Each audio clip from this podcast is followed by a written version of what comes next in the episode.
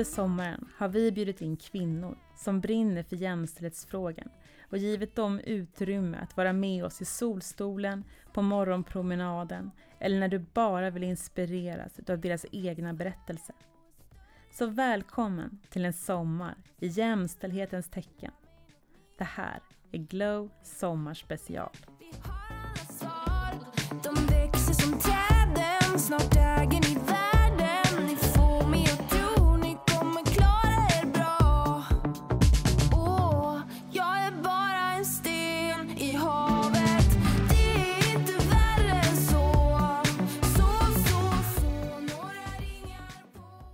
Jag står inne i en lägenhet mitt på Södermalm i Stockholm, i ett vanligt hus på en vanlig gata. I lägenheten finns två rumänska kvinnor som befinner sig i prostitution och en sexköpare. Vi står så nära varandra, jag och den ena kvinnan. Jag skulle kunna sträcka ut en hand och röra vid hennes kind, ta hennes hand och hålla i den. Ändå är det en avgrund mellan oss. Där står jag som fått alla möjligheter i världen. Och där står hon som inte fått det. Men jag vet också att vi är oändligt lika, hon och jag.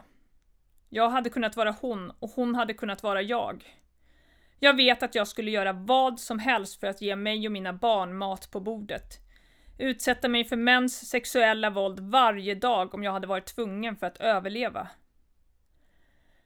Bredvid mig i lägenheten har jag också poliserna Simon och Erik och socialsekreteraren Malin. Jag har fått följa med dem en höstkväll på deras arbetspass när de letar upp sexköpare i Stockholms innerstad och ger stöd till utsatta flickor och kvinnor. Vi har åkt runt i flera timmar och spanat och besökt lägenheter där kvinnor våldtas och exploateras. Lägenheterna finns överallt. På gator jag passerat många gånger, i kvarter där jag rört mig i många år. Kvinnan i lägenheten berättar att hon åker hem till Rumänien ibland. Hur är livet i Rumänien? frågar Simon. Not so good, säger hon. Not so good. Och i det ögonblicket, i den där lägenheten, tänker jag screw you till alla som säger att det handlar om fri vilja. För fri vilja är ett privilegium bara för de som har valmöjligheter. Där står jag i lägenheten på Södermalm i Sverige ett av världens mest jämställda länder. Och här utnyttjas flickor och kvinnor och också pojkar, transpersoner och icke-binära varje dag av män som köper sex, som köper övergrepp och våldtäkter. Här finns kvinnor som lever i ett helvete på jorden. Och jag tänker som jag gjort så många gånger förut i mitt liv, att det är omöjligt för mig att inte vara feminist. Jag heter Åsa Lindhagen och jag är miljöpartist och jämställdhetsminister i Sveriges regering. I det här programmet kommer jag berätta om några saker jag brinner för i politiken och varför feminismen måste gå mycket, mycket längre.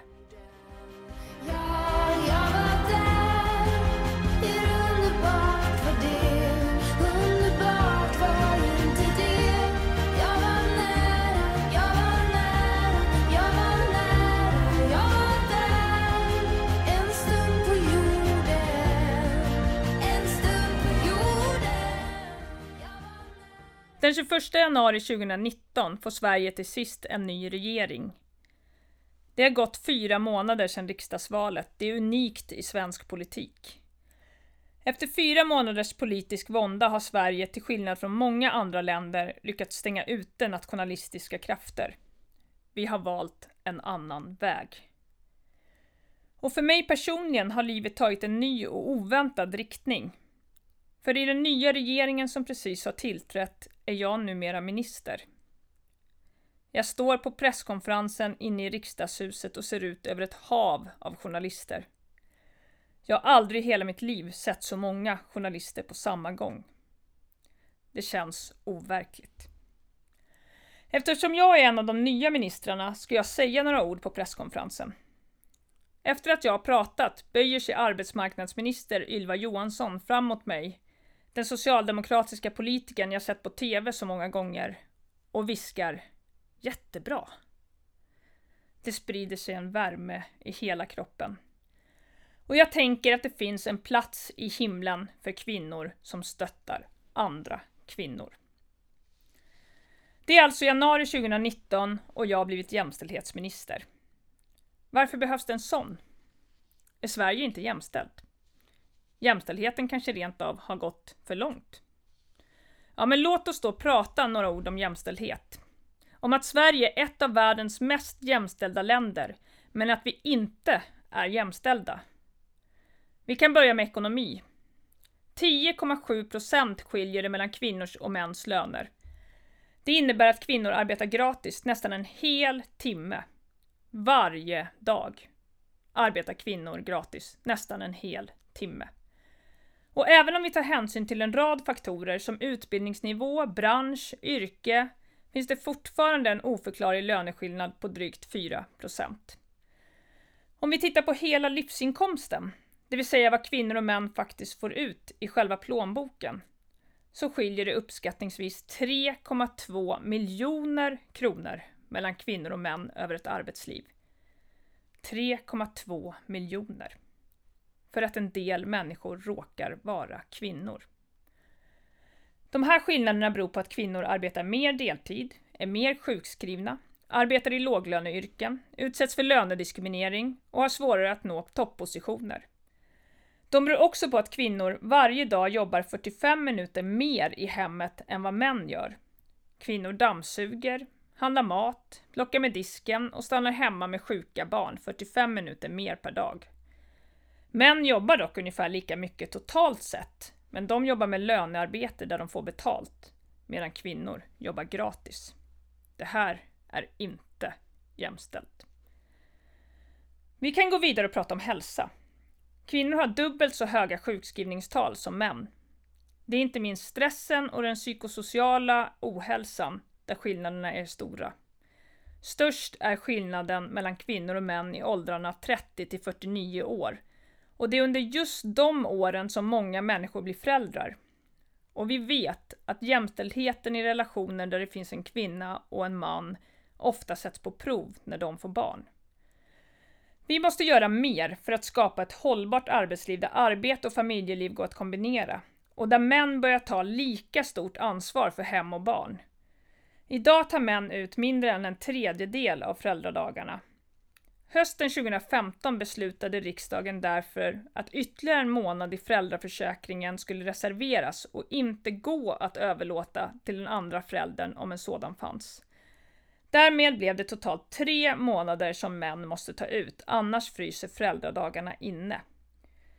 Varje gång riksdagen har beslutat att reservera en ny månad i föräldraförsäkringen har mäns föräldraledighet ökat.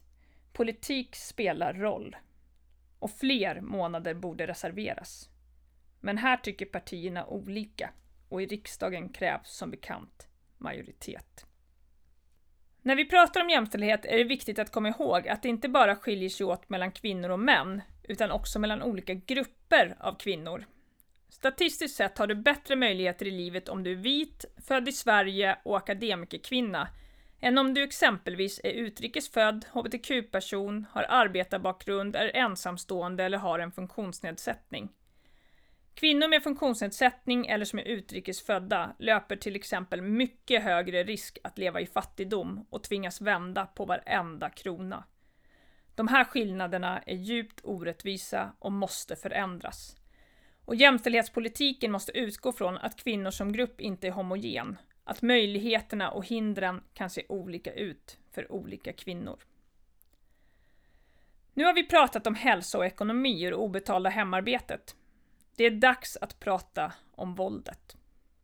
Om mäns våld mot kvinnor. För många år sedan läste jag Flickan och skulden av Katarina Wenstam och jag minns att jag tyckte att det var så fruktansvärt orättvist, det hon beskrev i boken. Wenstam skriver bland annat om Jonna, en ung tjej i tonåren som går på en fest där killar kör upp en krycka i hennes underliv. Ett fruktansvärt övergrepp. Men efter festen är det inte killarna som döms av omgivningen, utan Jonna. Hon som blir kallad för kryckhoran. Jag kunde inte förlika mig med detta när jag läste. Hur kunde hon som blivit utsatt för ett övergrepp få stå där med skulden? Det var så förbannat orättvist. Vi har kommit en bit på väg i kampen mot våldet sedan Wenstam gav ut sin bok 2002. Men vi har så oerhört lång väg kvar. Och under coronakrisen som pågår just nu blir utsattheten för de som drabbas av våldet ännu större. Sedan millennieskiftet har omkring 300 kvinnor mördats av sin man, exman eller pojkvän. Var fjärde kvinna kommer någon gång under sitt liv att utsättas för våld av en närstående. Vi har gömda kvinnor i Sverige som är på ständig flykt från våldsamma män. Våldet finns också i samkönade relationer. Särskilt sårbara för våld är bland annat kvinnor med missbruksproblematik och kvinnor och barn med funktionsnedsättning. Vi har också uppskattningsvis 100 000 ungdomar i Sverige som lever under hedersförtryck och har blivit berövade makten över sina egna liv. Flickor och kvinnor utsätts också för övergrepp och sexuella trakasserier i offentliga miljöer, i skolan och på arbetsplatsen. Något som metoo satte under blixtbelysning hösten 2017. Så till dem som säger att feminismen har gått för långt. Feminismen måste gå mycket, mycket längre. Vi lever dock i tider där feminismen istället riskerar att tryckas tillbaka Runt om i världen och även här i Sverige blåser det kalla vindar som är farliga för våra öppna demokratiska samhällen, farliga för kampen mot klimatförändringarna och farliga för jämställdheten och kvinnors rättigheter. Sex veckor efter presskonferensen i riksdagshuset den 21 januari besöker jag FNs högkvarter i New York. Efter ett seminarium om aborträtten vill arrangörerna att jag ska gå ut bakvägen, det står hårdföra abortmotståndare och väntar utanför ingången och arrangörerna tycker att det känns mer tryggt om jag tar en annan väg. Mitt inne i FN-skrapan står de. Abortmotståndarna. Kort därefter röstar delstaten Alabama igenom ett nästintill totalförbud mot aborter som inte ens undantar våldtäkt eller incest. Här i Sverige varnar Säpo för att främlingsfientliga och radikalnationalistiska krafter växer på nätet ser vi hur det sprids ren rasism och hat, inte minst mot flickor och kvinnor, och hur Sverige beskrivs som ett land i totalt sönderfall. Bland de här krafterna finns de som vill att kvinnor ska tillbaka in i hemmet igen, som vill att mannen ska vara familjeförsörjare och att kvinnan ska ta hand om hem och barn. Som inte har den minsta lust att minska några som helst löneskillnader eller utrota våldet mot tjejer och kvinnor som tycker att kvinnor i prostitution får skylla sig själva. De här kalla vindarna som blåser i världen, de skrämmer mig. Men de fyller mig också med en sån oerhört stark känsla av att det kanske aldrig har varit så viktigt att vara människa på jorden som nu. För jag tror att vi lever i avgörande tider. Där mänskliga rättigheter är hotade, där coronakrisen prövar våra samhällen och där klimatförändringarna ytterst riskerar att slå ut förutsättningarna för hela mänsklighetens existens. Så är det någon tid man ska engagera sig för en bättre värld, i civilsamhället, genom sitt arbete, partipolitiskt i något parti man tror på, eller genom att ställa krav på politiker att agera, eller på något annat sätt, så är det väl? Nu. Då är det väl i just denna stund.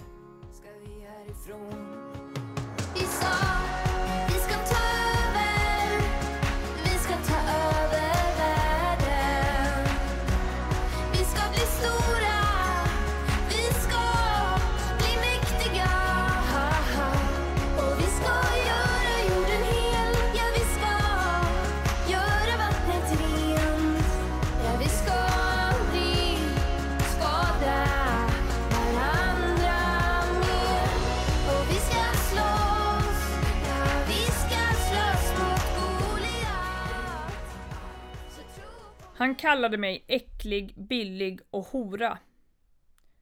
Jag känner inte igen den starka personen jag var. Det finns inga bevis liksom eller så och om han skulle få reda på att jag anmält honom så skulle han döda mig utan tvekan. Jag vet inte hur jag ska dra mig ur detta, jag får ju skylla mig själv och nu finns det ingen återvändo. Detta är unga tjejers röster. Jag sitter hemma i köket en lördag förmiddag, våren 2020 och läser i rapporten Ett år med ungarelationer.se från stiftelsen Tusen möjligheter som jobbar mot våldet mot tjejer, transpersoner och killar. Jag läser om unga tjejer som är rädda. Rädda för att skadas allvarligt eller till och med dö. Budskapet är glasklart. Vi måste börja prata om killars våld mot tjejer. Det handlar inte om oskyldiga tonårskonflikter, det handlar om grovt våld. Ibland till och med mord. I rapporten står det också om pornografin. Idag finns porren ständigt närvarande i barns mobiltelefoner, bara ett knapptryck bort. Ett knapptryck bort finns filmer som innehåller kvinnoförnedring, avhumanisering, våld, övergrepp, tortyrliknande övergrepp. Vi vet att en stor andel unga, framförallt pojkar, tittar på porr. Och att många är ner mot 11-12 års åldern när de först börjar söka efter porr på nätet. Måste jag gå med på strypsex? Finns det unga tjejer som undrar i dagens Sverige.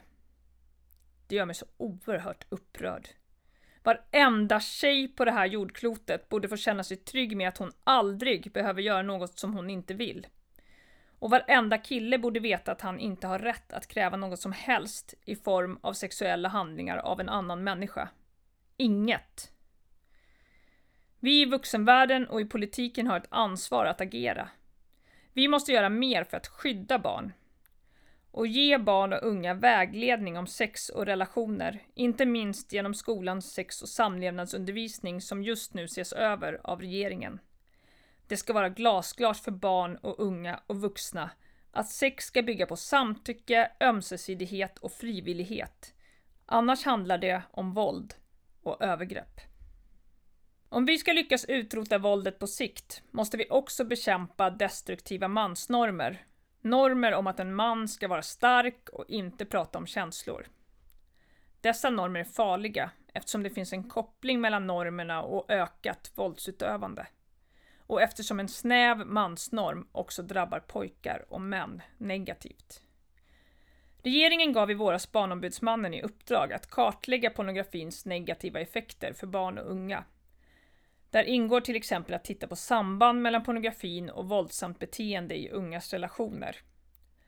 Många viktiga röster i samhället, socialarbetare, poliser, civilsamhället, inte minst kvinno och tjejjourerna i landet, lyfter pornografins skadeverkningar. Att det finns killar och män som hämtar inspiration från porren och utövar samma våld mot sin partner eller mot kvinnor i prostitution. Det ingår i Barnombudsmannens uppdrag att titta på detta och också hur barn kan skyddas mot negativ inverkan från porren och hur tillgången till porren kan begränsas. Ett väldigt viktigt regeringsuppdrag. När vi pratar om porren behöver vi också prata om kvinnorna i porrindustrin och hur de har det. Organisationen Talita som hjälper kvinnor i prostitution, människohandel och porrindustrin beskriver att många av kvinnorna är traumatiserade. Och att kvinnorna i porrindustrin har samma bakgrund som kvinnorna i prostitution och människohandel. Det är kvinnor som ofta har en historia av sexuella övergrepp eller som har dragits in i porrindustrin eller prostitutionen på grund av fattigdom och psykosociala problem. Det är ingen slump att det är just dessa kvinnor som porrindustrin, hallickarna och människohandlarna tar sikte på. Det handlar om krafter som ser utsattheten på mils avstånd, som avsiktligt ger sig på den som redan har det svårt, som är lättast att utnyttja, den med minst valmöjligheter.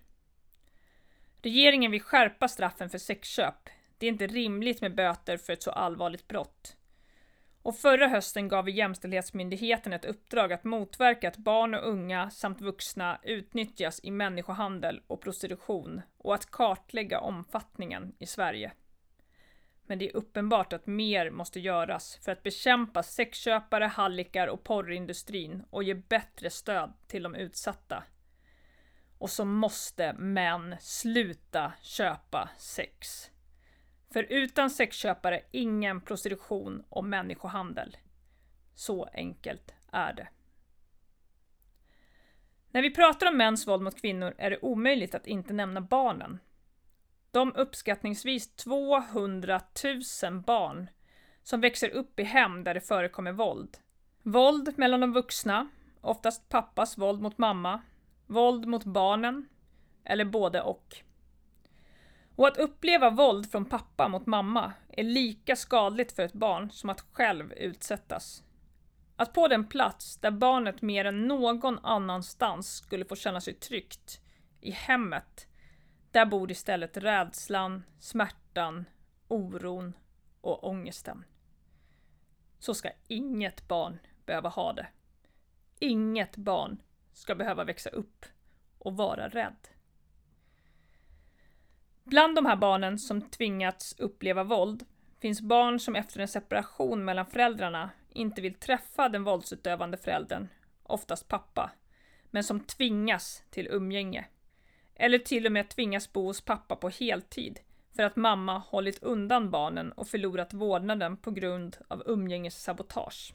Kvinnojourer, socialarbetare och forskare larmar om hur barn med separerade föräldrar mot sin vilja måste träffa en förälder som de är rädda för. Det här är en fråga vi måste börja titta närmare på. Hur ser situationen ut för barn med separerade föräldrar där det finns uppgifter om våld? Sätter vi barns rättigheter främst? Skyddar vi barnen? Eller är det återigen föräldrars rätt till sina barn som får gå före?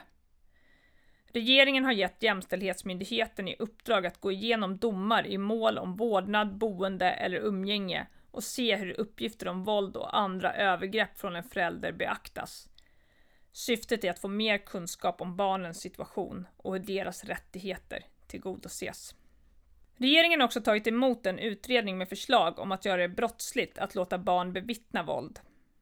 Om en man utövar våld mot sin fru så begår han ett brott inte bara mot kvinnan utan även mot barnen enligt min uppfattning. Och jag tror att om man inför det här lagförslaget så kan man tänka sig att det också skulle kunna få betydelse för barns ställning i vårdnadstvister.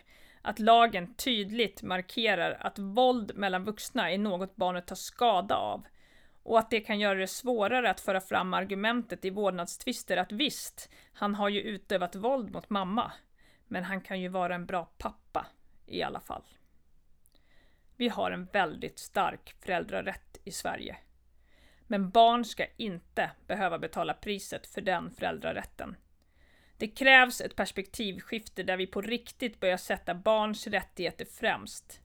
Där vi förstår att den starka föräldrarätten kan medföra stora problem. Och där vi gör något åt det. Kvinnor och barn som lyckas lämna en våldsam relation riskerar också att drivas ut i hemlöshet. Våldsutövaren bor oftast kvar medan den våldsutsatta måste försöka hitta en ny bostad. Med en svår bostadsmarknad på många håll i Sverige är risken stor att den utan pengar och nätverk tvingas hanka sig fram i tillfälliga lösningar. Bo på akutboenden och hotellhem som socialtjänsten skakat fram. Sova över hos en kompis. Hyra en lägenhet en kort period i fjärde hand. Sova på vandrarhem. Många av kvinnorna som flyr våldet har barn. Barn som mer än något annat skulle behöva trygghet, inte en osäker boendesituation. De här barnen far oerhört illa. Det är barn som inte alltid vet var de ska bo nästa vecka. Som är otrygga och rädda. Det är förstås helt orimligt. Våldsutsatta kvinnor och barn ska inte drivas ut i hemlöshet. Vi måste se till att det finns fler vägar in på bostadsmarknaden och fler hyresrätter som människor har råd med. Regeringen har nyligen tillsatt en utredning om en socialt hållbar bostadsförsörjning. Det här är en oerhört viktig utredning som tillsatts och det är inte en dag för tidigt. My name is Luca. I live on the second floor. I live upstairs from you. Yes, I think you've seen me before.